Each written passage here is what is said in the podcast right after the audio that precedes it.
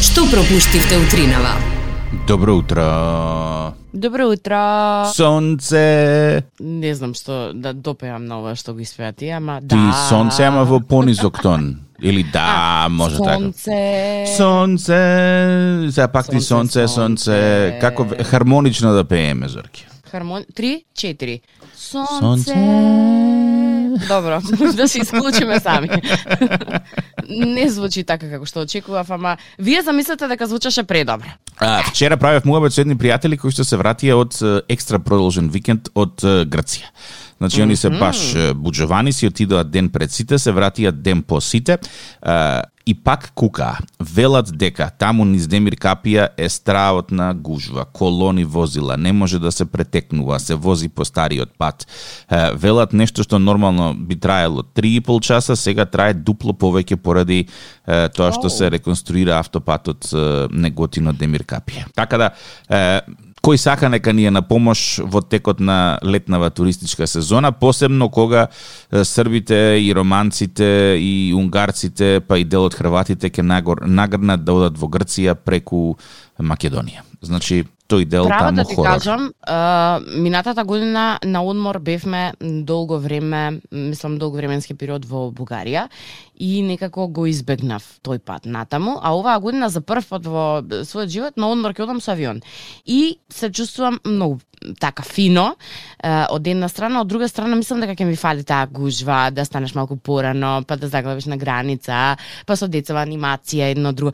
Некако како да си го е, ставив како составен дел од патувањето м, до одмор, тоа дремење на граница. Па И да. м, се померив со тоа, веќе знаеш, одиш таму и знаеш дека ќе дремеш. И сега прашањето кое што се поставува е Колку? што ќе правиш, да, колку и што ќе правиш додека дремеш. Така што си се подготвуваш од дома и подготвен си застануваш, сега не со бројче, ама таму си застануваш и се трудиш никој да не го фати местото пред тебе, нели? Секогаш постои некој кој што сака да се избутка Да. и да биде пред тебе, а дошол после тебе, многу после тебе. И тука настанува всушност гужвата. Да сите почитуваат ред, мислам дека им многу побрзо ќе оди, им нема да се создава таа нервоза од гужвата, им знаеш, тоа е тоа. Значи одиш подготвен, не можеш ти да очекуваш во екот на сезоната дека ќе биде празна границата, тебе ќе те чекаат граничарите. Апсолутно дека нема да те чекаат тебе, туку дека ќе се чекаш во ред, исто како што се чекаат сите останати. Така што ако си го земете преди дека е составен дел од патувањето, мислам дека нема да биде никаков проблем. Е сега проблемот е кога намерно одиш ден порано и намерно остануваш ден покасно со цел да избегнеш гужвата, па се надаваш на тоа и кога Не е проблем кога те тоа, тоа е надежи, Нема да луксус. се остварат. Е па сега и луксус е зошто да па да не. Така Има да. се може се, знаеш? Знам. Е, Јуни е м, времето не е баш онака како што знае да биде во лето, ама е пријатно. Морам да, да се пофалам дека сум искрено задоволен на тоа што надлежните ова летна сезона, односно пролетна, бидејќи уште не е лето, ни сервираа во однос на е, времето. Свежо во текот на ноќта, не многу жешко во текот на денот. Може би малку поспарно од што треба да биде, ама затоа честите врнежи го решаваат тој проблем. Е, да ти кажам искрено, пред некој ден читав ем, реакции на луѓето во сооднос со времето, нели, како реагираат на временските услови. И дојдов до еден коментар кој што вели, па не ни останува ништо друго освен да се навикнеме и тебе ти се случи точно тоа што го прочитав во коментар. Не ни останува ништо друго освен да се навикнеме, па сега и ти- ти се допаѓа како изгледа времето и не само што ти се допаѓа, туку и забелешката ти е намената дека е пријатно, благопријатно рече, ако не се Благопријатно. лажам, да, Не, температурите се супер. Значи, вакво лето, пролет, може секој да посака во споредба со оние е, 35, 6, 7, 8, 9 што сме ги имале пеколни горештини од утро до вечер. Значи, ова е супер. Мајко, мила, колку си се адаптирал пред само неколку дена кажуваше дека е депресивно времето. за Депресивно прелет. беше затоа што немаше сонце. И пак ќе кажам, да во Има- моментот кога ќе има нема сонце, ќе сонце. биде депресивно. Затоа не е депресивно денеска. И вчера. Има сонце, Е, Кога ќе некако- биде цело цмурно, тогаш да, депресивно е. Ама што е... Не знам дали тука си е. забележал дека сонце има секогаш кога имаш најмногу обврски. Па, дискутабилно е тоа. Кога кога имаш најмногу обврски. Нели? Ти Да. треба да еве на пример ја утринава доаѓам на работното место и моето работно место во моментов нема прозор надвор. Да. Надвор пука сонце, нели? Да, пука сонце. Пука Тоа да е тоа сонце. што сакам да ти го кажам. Од време на време знам да налетам на некој добар оглас. Mm-hmm. Е, овој кој што го видов пред некој ден, навистина ме фасцинира што поради граматиката, што поради својата искреност. У, А, добра. некој лик продава Мерцедес со 300.000 километри од 2002 година на странска регистрација за околу 5.000 евра. А, и насловот на огласот е ми држит место и го давам. Што значи ми фаќа простор и го продавам. Добра. Го продаваме Мерцедесо, оти многу мене ми е голем, оти јас не ичев ваква голема кола, ама сино мој Германија си ојде работи там, арно ама од од оттаде го дојсе овој Мерцедесов и ми вели тате Мерцедесо е, продај го, мене не ми треба, поиче ако сакаш војзај го и така од е, опрема имат што не 300 чуда, има стакла на струја, има мерач на бензин и не многу војзан. Е, Јас само одев вам там ни село и тоа е биди ми поздравен. Чекај малце. Превод ако може да даме на огласот. Типов го добил Мерцедесот од син му. Кој што отишол во Германија, син му не сака да го вози, му го донел и му рекол тате еве ти го Мерцедесот ако сакаш, вози продај го. Сакаш продај го. Да, Па, Добра. и типов го продава Мерцедесот има многу функции меѓу кои се и е, стакла на струја и мерач на бензин. И не е многу Аха. возен, само ни село е кланкан лево десно, а пред тоа во Германија 300.000 километри има поминато. Па не е многу добра. Баба го воза, го војзала, го војзала. И типот сега му е многу голем Мерцедесот, му фаќа место и сака да го продаде. Ми држит место и го дава. Аха. Ова ми делува на кичевско прилепски оглас искрено. Па добро, можно е, не, не знам од каде е, е огласов, меѓутоа убаво што човекот си раскажал се, ама најбитните работи се пропуштени. А Кој? Дали навистина баба го возела, која е бојата на автомобилот, освен е, стакла на Леле, струја, немој дали да ми има... кажеш дека ти си од оние што купуваат автомобил според боја. Така еден мој добар пријател во своите млади денови, не беше веќе тинејџер, се залета по една кола која што тогаш беше една од три во Скопје ми се чини. И од прва ја купи фркна 2000 евра за незе ми се чини. Само за да по една недела свати дека ништо во колата не функционира. Па почна дел по дел да му се расипува, па даде можда 1500 евра во поправки, значи цената на колата стаса до 3500 евра, и енеа денеска уште за незе плаќа кредит, а му стои во во двор. Не е Не во му фаќа возна простор, не сака да не ја е во предадена. возна состојба. Не може да ја продаде кој ќе ја купи. Не За функционира, делови расипана е барем. кола. Нема Барем за делови. три такви коли се во Скопје. Леле. Изијан. А која беше уствари потребата да ја купи на почетокот бојата на колата? му се свиѓала фор, е, кабриолет беше. Кабриолет беше. Си сакал Само човекот заради кабриолет? Да, И само заради тоа. да. Вау. Е, Па з- добро, Зборуваме па, за импулсивно пазарување. Имавме и ние една таква ситуација пред да го купам својот прв автомобил со сопругот, размислуваме, разгледуваме автомобили вакви, такви, онакви. Се запнав исто за еден кабриолет. Многу ми се допаѓа, ма многу ми се допаѓа. Мика сопругот, значи има многу поправки, доправки. Ако да викам пола ќе го возиме, пола ќе го поправаме. за среќа не отидовме по мојот памет и нормално дека купивме друго возило, ама е исто така, многу ми се допаѓаше бојата, некоја е убава, небесно сина беше бојата. Ти, На Зорке, крај. треба да добиеш е, г- вето на е, самостојно купување Носење на одлуки. автомобил. Да, значи, Па кога не, се за носи сега и- одлука во врска со автомобил, мораш да консултираш стручно лице или спротивниот пол. Па Инаку не. ќе купиш според изглед и боја, а парите така има да ги изгубиш леле А леле. многу убаво изгледаше. Искрено, и мислам дека ќе бидев најфраерка низ Скопје кој ќе ја возев. Стварно убаво изгледаше. Не само моделот дека беше кабриолет, а не беше некоја кузна какво возило, да речам, новие најновите, постаро возило беше. Меѓутоа, сакам да ти кажам дека бојата и самиот модел како лича со- во согласно со кабриолетот преуба. Меѓутоа, да, очигледно мора да се консултираме и за жива среќа, па не заработувам толку многу да можам да си дозволам секоја година нов автомобил, така што ќе остане одлуката да не сме заеднички во кругот на семејството. Кога мажот и жената ќе кажат уморен си, А, мажот е уморен, а жената сака филм да гледа. или да зборува, или да раскажува, или е, нешто да се прави. Значи, жената прашално е, поставува, е, е, значи, се обраќа кон мажот и вели, е, уморен ли си? Тоа значи, дали си уморен, сакам нешто да правиме. Да гледаме филмче, да разговараме. Меѓутоа беше многу близко до одговорот, така што ќе ти се важи. Добро. И Уште има кога се вакви? изразува, да, кога се изразува љубов, што значи кога жената ќе каже те сакам, а што значи кога мажот ќе каже те сакам? Кога мажот ќе каже те сакам, не значи ништо. Кога жената ќе каже те сакам, е, тоа значи дека треба да кажеш колку уште повеќе ја сакаш ти не. О, тоа низино те сакам. Браво, Ја, јас се тик-так. сакам плюс еден. Знаеш, она кога си така. Ја бевме секогаш мали и повеќе си од тебе, игравме да. плюс еден, е, вака, ама плюс еден, јас те сакам за едно повеќе. Е, е, така, тоа е Така? тоа. Тоа е, Да. нема ништо, види, ништо нема сменето од оној менталитет, да кажеме, во четврто, трето, петто оделение. Јас сум најпаметен, јас сум најпаметен и плюс еден. Да. Па плюс еден, Јас сум плюс еден. попаметен од тебе, да. Да, и, и во, во таа смисла м, дефинитивно е тоа така. Плюс еден Така што- равенката во се се, се меша. Као додај плюс еден и мислиш дека се се сменило. А ништо не се сменило, се е исто, меѓутоа жената има потреба да слушне дека ја сакаш малку повеќе од тоа незино повеќе колку што те сака. А што е тука е? Животот тоди понатаму. Треба да, Драго ми е правиме што- муавец. Остани тука. Ау!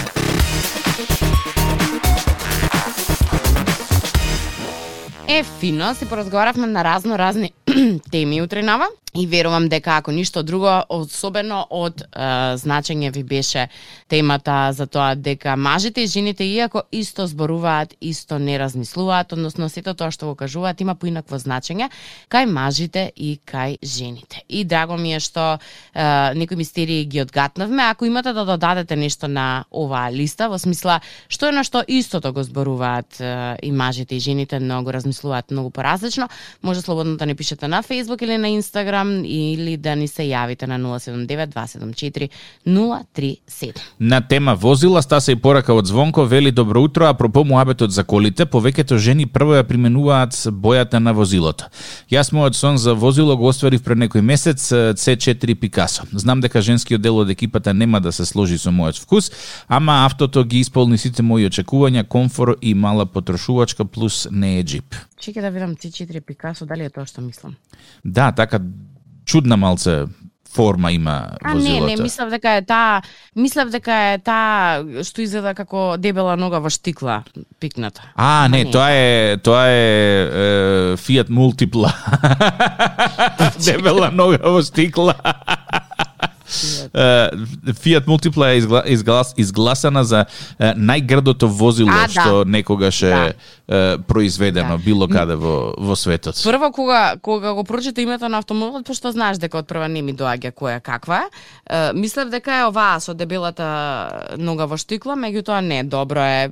Далеку подобар избор што си го направил од тоа што јас помислив, така што со здравје да си ја возиш.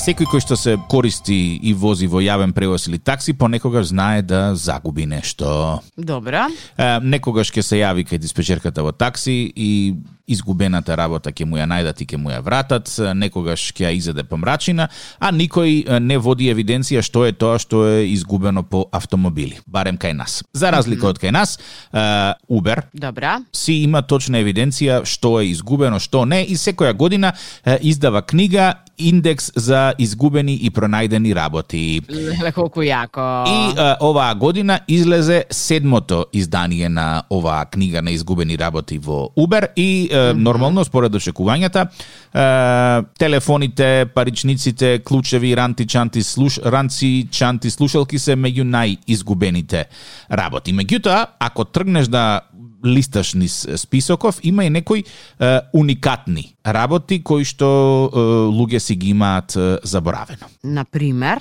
Например, вилица. како ја заборил во Убер билицата? Добро.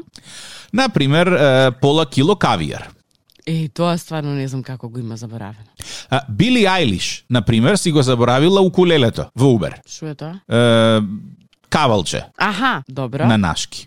Добро, па тоа е лесно да го изгубиш. Некој тип Барем. кој што работел е, во некоја фирма и добил плакета за вработен на месецот, си ја заборел во Убер. Што ти А, кажува колку колку е му било посветен важно. работник и колку му било важно. Добро. Замисли Зорке ние така да добиеме да добиеме е, плакета за радиоводители на месецот и буп си ја оставиме у такси. На И тоа во оние месецот. дивтарските нелиценцирани. Никош не може да си ја најдеме. Прекрасно. Па може да си ја урами, ако нека му стои. Што е па го забравил такси. Со А, вилицата уште не можам да се соземам, добро? а, некој заборавил желка. Желка бре. Да, тоа како да земеш да тргнеш да го носиш миленичето на ветеринар и Да го заборе. да го забореш во кола, Ставаш- да. Ставаш на ветеринар. Нешто требаше да донесам. Не сум ја за овде. Добро. Е, некој е, 40 лица си ги заборавиле е, цепап машините. Тоа ше машини кои што лица кои што имаат е, апнеа мора да ги користат за да дишат. Значи тоа ти е малте не животоспасувачка е, м, машина. И како можеме да, да си толку неодговорен да ја заборавиш? И Јас се прашувам. Кажи ми што е тоа што ти го имаш заборавено никогаш? Во такси имам заборавено Да. да. само телефони и паричници. Јас джемперче имам на два пати изгубено. Е вакво време, топло ладно, топло ладно и джемперчето сум го оставила. Ама не вилица да оставиш. Пред некој ден поминувам покрај еден локал е, во Скопје, каде што многу често седам и излегува газдарицата и трча по мене и вика е, еј да не си заборај дуксер еден тука пред некој ден. Ја викам пако е зелен, мое најверојатно и таа вика да, да, еве го. Ја викам уште не ми притребал, па не сум свесен дека сум го оставил, ама кога ќе треба, после ќе се чудиш каде е заборавен. И чадор имам заборавено во такси. М, па чадор не носам многу често, така да Кажи ми, има ли екстремни работи во книгата на заборавени нешта? екстремни работи. Да. Е, па има една работа вика е, кофа со со шлајм, ама не знам зошто некој шлајм во кофа би носил. Абе, ама, нешто по-нормално. Па бараше бараше вакво е, екстремни работи, јас ти најдов што има екстремно, нема друго е, друго нешто, некои така бизарни работи од типот на на гек бол, стетоскоп, различни Вау. работни инструменти, ама убаво би било кај нас да кажеме некоја такси компанија да си прави ваква евиденција на изгубено најдено, па да ја објави на крајот на годината. Да, и како завршиле тие приказни? Дали им се вратиле на е, вистинските собственици, да речем? Да, и замисли она е, во, во, ма- во скопско такси изгубена е, изборна програма на таа и таа партија. Најдени 500 бланко гласачки лифчиња за општински избори. Вау! Што друго би можел да изгубиш во скопски јавен превоз или е, Диплома од такси? факултет. Да, кромидот од Драчево, 2 кила. Вау! Време е за безкорисни факти. Дали си спремна? Секогаш. А, гричкањето ногти е поврзано со подобар имунолошки систем поради изложеноста на бактерии кои предизвикуваат вашето тело да создава антитела. Што значи? А, дека ние несвесно се правиме себе си поздрави, Грицкајки си ги ноктите. а Да. тоа е многу одвратна навика. Ама, во здраво тело, здрав дух, имунитетот пука. И сега тие што ги грицкаат ноктите викаат, ете, за тоа грицкам ногти. Е па сега. Раке пуке. Добро. На 18 февруари 1979 година во Сахара Добра. пагел снег цели 30 минути. Вау. Е, Звучеше како предизборна кампања, ама после тоа сфатив дека е добар. Така да во таа насока тргнав, ама. Да, добра. А, Добава. каква е крвта на октоподот, дали знаеш? Сина? Сина, И браво лакова. Зорке. О, блиску бев. Добро, сина, Ова сина. може да биде гатанка. Можеше да биде. А знаеш како знам? Како? Во некој цртано Томи Джери имаше. Е, да, можно е, можно е. Да. И следново, добро да го запамтиш. На денот на влюбените во Јужна Кореја подароци даваат само жени. И зошто само да го запамтам? За да го практикуваш, ако случајно некогаш завршиш во Јужна Кореја. По некоја случајност, ако се решиш да одиш во Јужна Кореја и баш за денот на влюбените да знаеш само ти ги купуваш поклон. Добро. Па Може. сега, што е? Тука е. Има уште еден бескорисен факт, кој што говори за тоа дека многу наскоро ми доаѓа роденданот, кај што ја не купувам подарок, ама ти треба. Кога ти е роден ден? Сакаш сега е, е, моментално Ја- да јавно. престанеме да се дружиме? Јавно вака, ка, м, јас знам, јас за пошироките народни маси А, да дознам. дали знаеш? Значи, работам во твоја М, корист да ти дали обезбедам знаеш? подарок плюс крај. Еве, еве се размислувам, дали знаеш на вистина кога ми е роден ден? Не, не, крај на муабетов, толку ова е радио Не два. знае.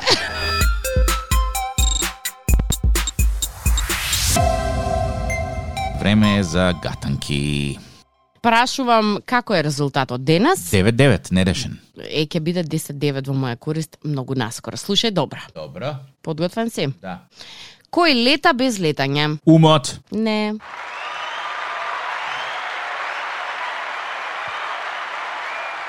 Не. Кој лета без летање? Мгм. Умот, паметот, Не. птиците. Може да биде, е, птиците летат, може да биде умот прифатливо е, решение, но не. Значи, пак е ова од оние... Не е пак од она, од оние. Викаш? Да. Е, патници во авион. Кој ти пиша? Чекај, немам да видам кој ти пиша. Па не, ама логично е. Летаат, а не летаат. Не, некој ти пиша. сигурно. Никој не ми пише. Добро. Е, сега втората е малку покомплицирана. Добро. Дали си подготвен? Да. Керката на Лиле е мајка на мојата керка. Што сум јас на Лиле? Керка. Некој ме ги пишува. Или од некаде ги читаш. Не ти ги пишува никој, ама ова е многу логично, Зорке. Она ај со патниците у авионот, малку трик прашање. Првиот одговор беше умот, ама ова е сосема јасно, што мајката на Лиле... Значи, значи јас изгубив денес. Види, е, знам дека ти изгуби. Ама, Добра. за да работите не бидат така црни, нешто се готви во нашите умови врвни. Ау. При резултатот 10 спрема 9 со Тик-так, Тик-так ја има супергатанката. Доколку Зорка ја погоди пред времето да истече, изедначува. Ајде. Спремна ли си? Да. А, прашањето е, како се вика жената која цело време знае каде е сопругот? Вдовица. Браво, Зорке! Благодарам. Добра беше. Сега јас те подам тебе. Не, сега е нерешено. И како ме супергатанка беше, Па требаше да вреди барем супергатанка за две. беше. Па вреди за две и нерешено е. Добро. Што се ба нешто не ти е покей. Не ми е па ми се се потрудив, се помачив за да биде е, барем јас да бидам во предност, ама добро. Никако, е, знаеш кој дел ми фали? Кој? Е, Тој што губи нешто дека треба да направи. Аха, сакаш вистина или предизвик да се додаде во целата математика? Па е, да. М, Ќе Така би размислам. било по по м, отровно и по болно во исто време. А, злоба. Па не, инаку зашто се бориме цело време да да бидам во предност, јакаш тикла дали сум во предност или не сум во предност, ама ако има и вистина или предизвик, баш ќе се потрудам онака. Ајде, ќе ќе размислам во таа насока, ќе бидеш информирана благовремено. Радио 2, добро утро. Добро утро.